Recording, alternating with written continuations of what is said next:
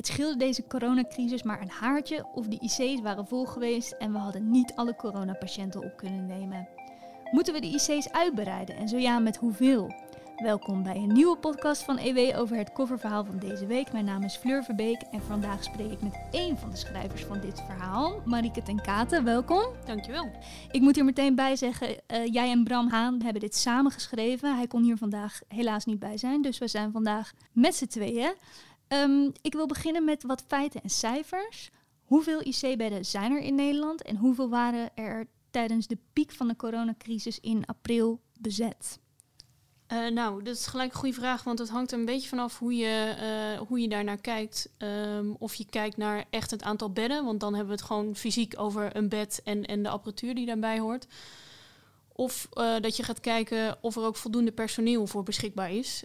Um, de, de cijfers die wij nu boven tafel kregen was... Kijk, in de normale situatie waren er 1050 IC-bedden. Zeg maar voordat de, de coronacrisis uitbrak daar was al lang niet altijd voldoende personeel om al die bedden ook daadwerkelijk te gebruiken. Um, en waar we nu van uitgaan in het laatste uh, document van ook de IC-vereniging staat dat we 925 IC-bedden hebben. Die dan allemaal aan alle normen voldoen die, die de beroepsgroep zelf heeft opgesteld en waar dan ook voldoende personeel voor is. En um, tijdens de golf, uh, zeg maar de, de grootste piek in april vorig jaar, toen waren ruim 1400 IC-bedden bezet. Oké, dat is een flinke uh, opschaling, maar we blijven achter internationaal gezien bij bijvoorbeeld Duitsland. Ik las dat in Duitsland 29 uh, IC-bedden beschikbaar zijn per 100.000 inwoners. Wij moeten het doen met 6 bedden per 100.000. Waarom is dat verschil zo groot? Uh, nou ja, de eerste opmerking even. Het is, Duitsland wordt heel vaak gebruikt als, als vergelijking. En dat is ergens een beetje flauw, omdat Duitsland ook wel een flinke uitschieter naar boven is qua aantal IC-bedden. Uh, dus dat is wel goed om er even bij te zeggen. Um, bovendien hadden ze ook in Duitsland, ook voor de coronacrisis, al best wel wat personeelsproblemen. Dus, dus dat al die bedden er zijn, wil nog niet zeggen dat die daadwerkelijk beschikbaar zijn uh, en dat je daar goed geholpen kunt worden. Um, maar ja, waarom is het verschil zo groot? Um, daar zijn allerlei dingen over te zeggen. Het, het belangrijkste is denk ik dat er in, in Nederland uh, relatief uh, nou ja, veel aandacht is geweest voor een aantal dingen om, om de zorg uh, beter en efficiënter te maken. Nou ja, door de zorg beter te maken zorg je er bijvoorbeeld ook voor dat mensen minder lang in het ziekenhuis hoeven te liggen, minder lang op de IC hoeven te verblijven. Dus dan heb je ook minder bedden nodig. Um, en, en het verhaal over de efficiëntie. Um, kijk, het heeft geen zin om, om een overschot aan IC-bedden te hebben en die grotendeels leeg te hebben staan nou ja, gedurende een groot deel van het jaar. Dat is gewoon zonde van het geld. En, en dat is ook niet handig voor het personeel wat daarbij staat. Want dat, dat moet simpelweg ook getraind blijven om die zorg te blijven verlenen. Um, nou ja, en daar is in, in Nederland relatief veel aandacht voor geweest. En het is ergens ook een beetje een natuurlijk proces geweest. Uh, op basis van, nou ja, als er te weinig personeel is, dan kun je wel bedden neerzetten. Maar als je er toch niks mee doet, heeft dat geen zin. Um, uh, dus er wordt nog wel eens geroepen dat het uh, allemaal bezuinigingen zijn. maar dat is echt veel te kort door de bocht om dat, om dat zo te zeggen. Want ja, de, de kostenkwestie speelt echt wel een rol. maar dat is zeker niet het enige wat, wat daar aan heeft bijgedragen. Dus je kunt eigenlijk zeggen dat wij in Nederland wel een stuk efficiënter werken dan in Duitsland.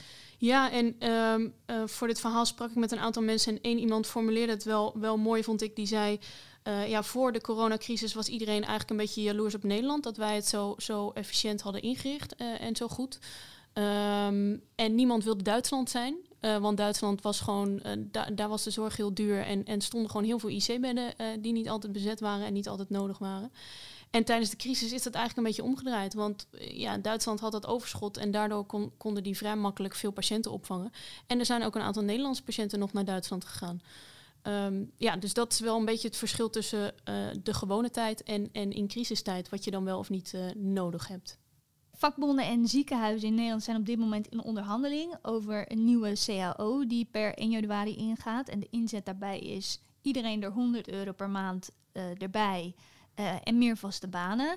Afgelopen donderdag riep de Tweede Kamer in een motie het kabinet ook op om de salarissen te verhogen. Gaat dat de problemen oplossen? Nou ja, dat vind ik een hele moeilijke vraag. Aan de ene kant moet je ook kijken naar, uh, zeg maar, als de discussies over de, de zorg gaan, uh, zeker ook in Den Haag, dan lijkt het af en toe wel alsof er een, een, een geldboompje staat waar je onbeperkt van kan blijven plukken. Um, dus het is altijd wel goed om bij dit soort voorgestelde salarisverhogingen ook te realiseren dat dat geld ergens vandaan moet komen. Dus dat moeten wij via de zorgpremie gaan betalen. Dus nou ja, als, je, als je vindt dat de salaris in de zorg omhoog moeten, dan vind je dus ook dat je eigen zorgpremie wat mag stijgen. Want dan hebben we dat er blijkbaar voor over. Um, en um, ja, gaat het de problemen oplossen? Dat is nog maar zeer de vraag. Er zijn best wel wat onderzoeken naar gedaan. Kijk, een, een deel van, van de onvrede die er ook is, zeker bij uh, uh, verpleegkundigen ook, is het gebrek aan waardering. En waardering is iets dat, dat gaat ook om de financiën. Dat, daar zit ook echt wel een. een um, geldcomponent in. Maar dat is zeker niet het enige. Het gaat ook om gewoon de waardering voor wat je doet. Uh, nou ja, gewoon vanuit is er ruimte voor, voor bijvoorbeeld opleiding, voor, voor je ontwikkelen in, in het werk. En krijg je bepaalde verantwoordelijkheden omdat je je werk goed doet, om, omdat je bepaalde opleidingen gedaan hebt.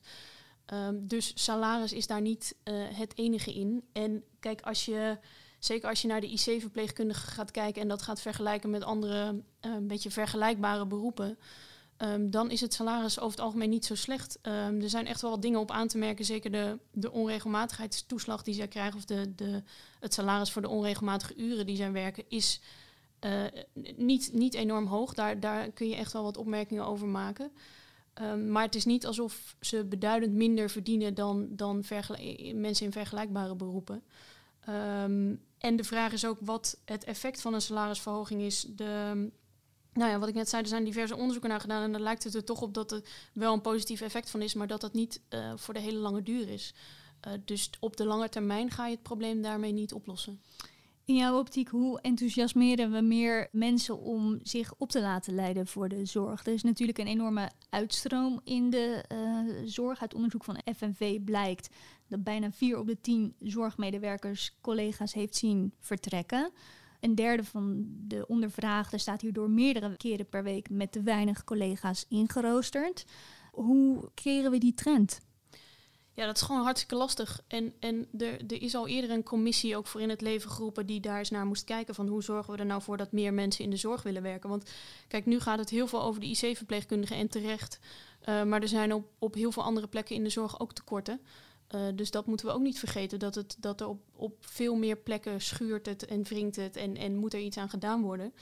Maar ja, um, je, je kunt niet zomaar uh, een blik met, met verpleegkundigen opentrekken. Dus ja, er zijn een beetje globaal gezegd twee knoppen waar je aan kunt draaien. Dus de instroom verhogen, dus meer mensen opleiden of meer uh, zorgen dat er meer mensen de opleiding ingaan.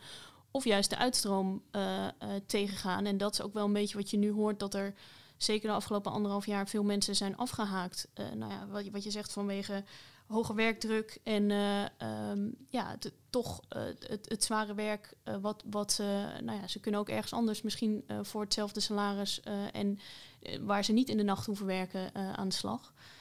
ja, en dat is gewoon een hele lastige kwestie, hoe, hoe je dat gaat oplossen. En, en ik denk dat niemand daar, ehm, nou ja, één hele, hele duidelijke oplossing voor heeft. Maar het heeft dus met een aantal factoren te maken. Je kan op een aantal manieren het werk aantrekkelijker maken. En ik denk dat het in ieder geval duidelijk is dat je. Noem er eens een paar. Ja, goede vraag. Uh, nou ja, ik, ik, in één rapport werd het een beetje geformuleerd als modern werkgeverschap. Wat ik eigenlijk een, een verschrikkelijke term vond, maar. dan gaat het dus een beetje over wat, wat ik net ook zei: van geef, laat mensen blijken dat je waardeert wat ze doen. Geef ze bepaalde autonomie in het werk, geef ze ontwikkelingsmogelijkheden. Maar ja, tegelijkertijd uh, ontwikkelingsmogelijkheden. Bijvoorbeeld, kijk je, uh, als, iemand, uh, als je iemand een opleiding wil laten doen, dan moet daar ook wel tijd voor zijn.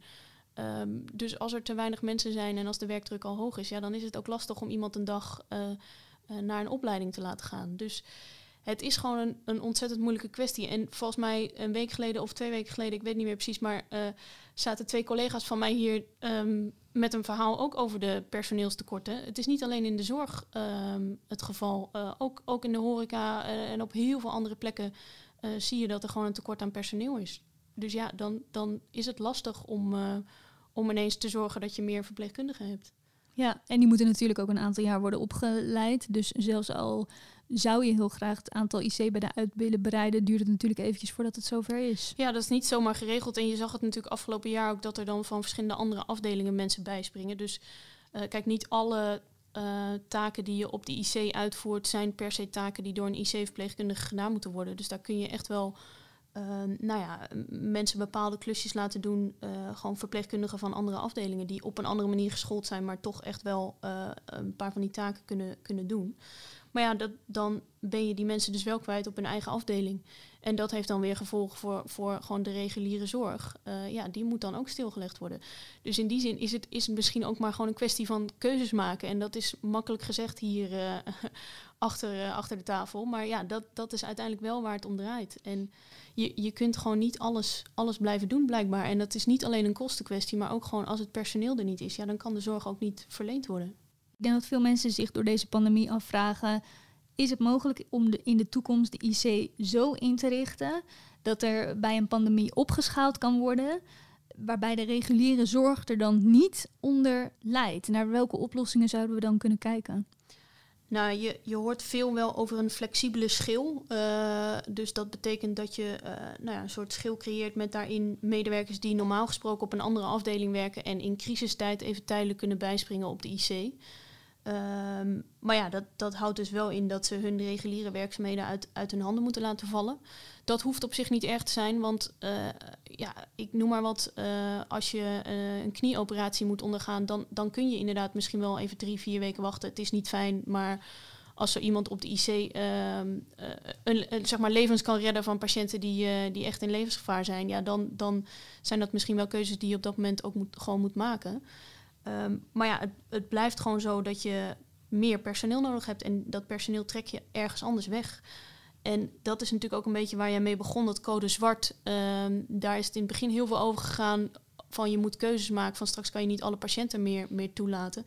En er is natuurlijk afgelopen anderhalf jaar heel veel aandacht geweest voor alle coronapatiënten. Um, maar er zijn ook heel veel patiënten die daardoor hun, hun uh, gewone zorg niet hebben gekregen. En ik denk dat het goed is om daar ook uh, nou ja, weer meer aandacht voor te hebben van welke afwegingen wil je nou maken en welke zorg wil je wel en niet kunnen blijven verlenen. Marieke, ik wil je bedanken voor je uitleg. En voor wie nu het hele kofferverhaal wil lezen, ook geschreven door Bram Haan, dus moet ik erbij zeggen. Vind het huidige nummer nu in de winkel. Maar lezen kan natuurlijk ook via de site ewmagazine.nl. Daarin ook veel meer over wat er eigenlijk komt kijken bij het werk van een IC-verpleegkundige en hoe complex hun werk met de verschillende apparatuur eigenlijk is.